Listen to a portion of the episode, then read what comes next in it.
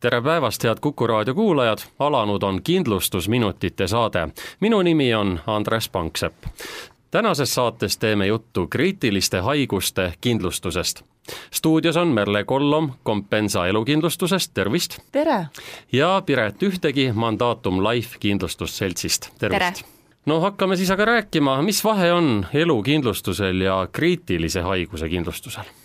no põhimõtteliselt on nendel väga suur vahe kuna kriitiliste haiguste kindlustust on vaja inimesel endal.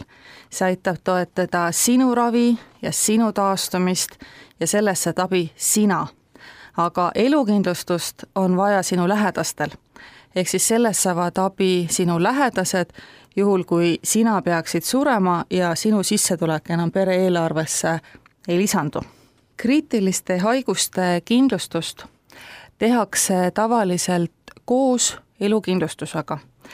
ja põhjus on selles, et kriitiliste haiguste kindlustusest saab inimene ise tuge, juhul kui on nüüd raskest haigusest vaja taastuda, aga kui siiski peaks juhtuma, et inimene ei parane ja sureb, siis sama lepinguga maksab kindlustusselts tema lähedastele välja rahalise hüvitise ja, ja siin, kui me nüüd elukindlustusest räägime, siis elukindlustuses me näeme igapäevaselt, ma usun, et Piret on minuga nõus selles osas, et et me näeme igapäevaselt, et inimesed kardavad pigem õnnetuse tagajärjel hukkumist.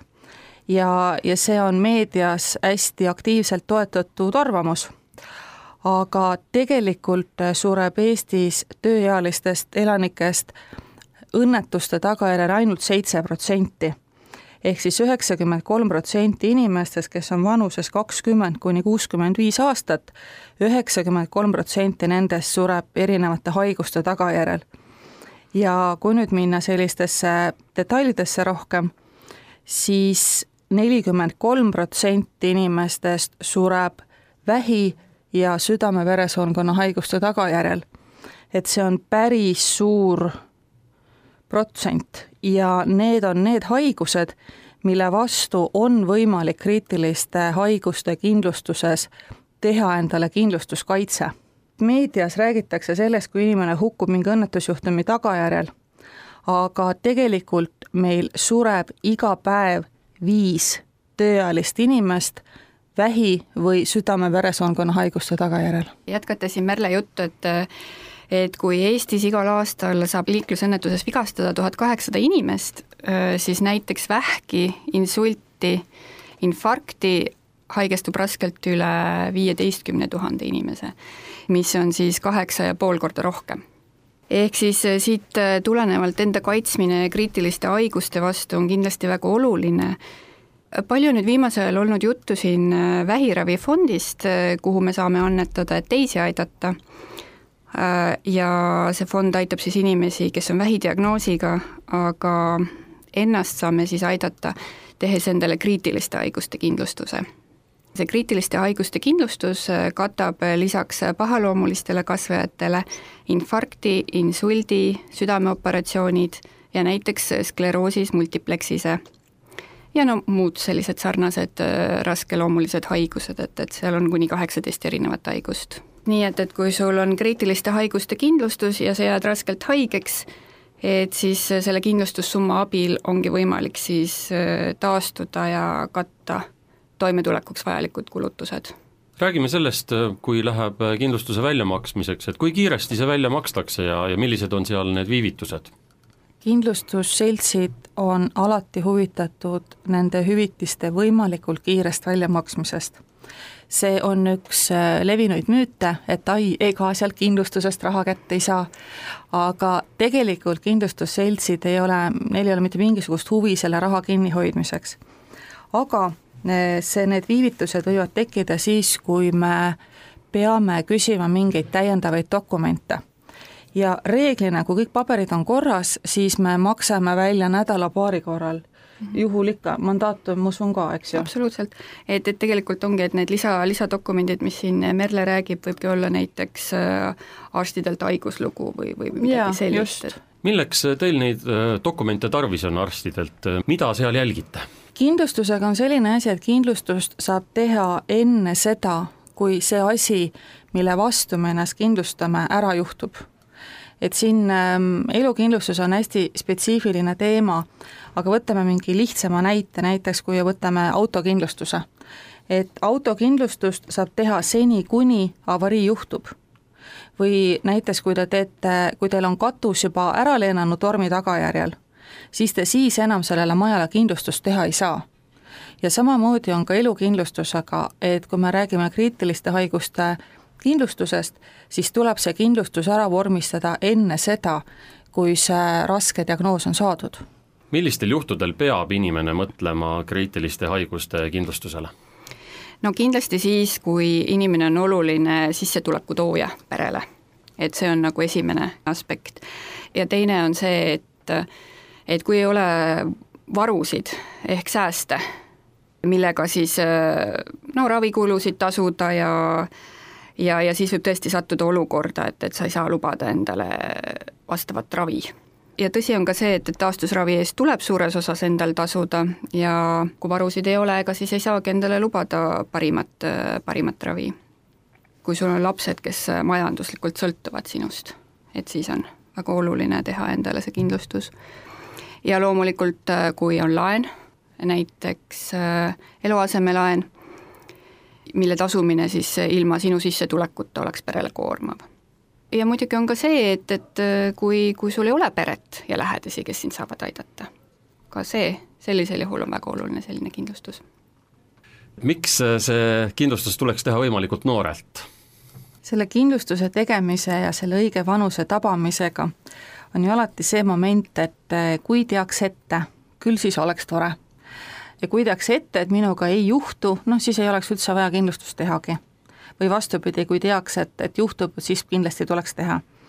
ja, ja kindlustus tulekski sellepärast äh, ajastada, et kuna me ei, me ei tea ette, mis juhtub, me ei tea, mis juhtub meiega homme, mis juhtub meiega kuu või kahe või aasta pärast, siis selle tõttu tuleks kindlustus ära teha võimalikult kohe ja eriti, kui me räägime elukindlustusest, siis elukindlustuses sõltub kindlustusmakse sellest, millised on inimese tervisenäitajad.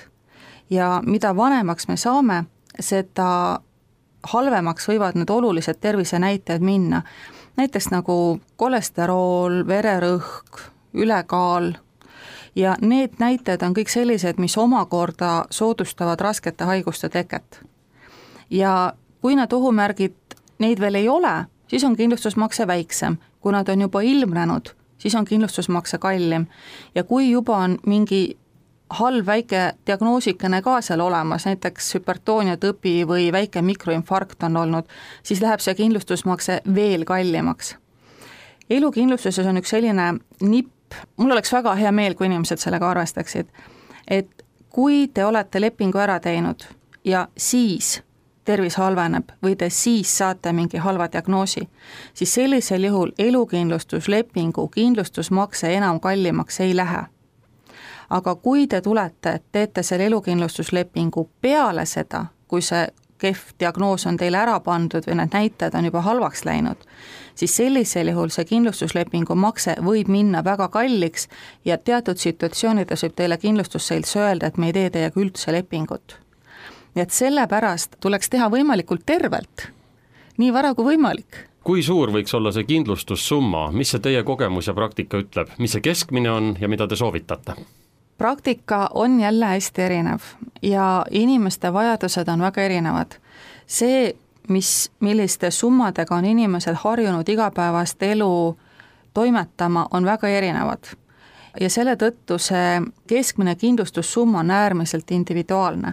Et siin noh, mina tahaks kutsuda inimesi küll, et tulge julgelt kindlustusseltsi ja, ja arutame selle koos läbi, milline on konkreetselt teie olukord, milline on teie teie säästud, millised on teie võimalused kindlustusmaksete maksmiseks, millised on teie vajadused, kas teil on neid toetavaid süsteeme, millest Piret rääkis, kas teil on peret, kes tuleksid appi, kui on, kui on vajadus mingeid asju maksta, kas teil on mingeid noh, mingeid varusid, kinnisvara, väga popp kinnisvara, kõik ostavad kinnisvara, sellepärast et sealt saada üürisissetulekut või midagi, et kas teil on mingeid selliseid varusid? Ja need ei ole, et sellest kõik sõltub ja ja, ja sellepärast peab lihtsalt personaalselt läbi rääkima, et ja, ja leidma selle optimaalse lahenduse, et see ei ole selline asi, et vot on tulge ja tehke vot selline number, et see on äärmiselt individuaalne. üks asi küll nüüd, kuhu tulla on see, et elukindlustusseltsi, me räägime täna kriitilistest haigustest, kui me räägime üldse haiguste kindlustamisest,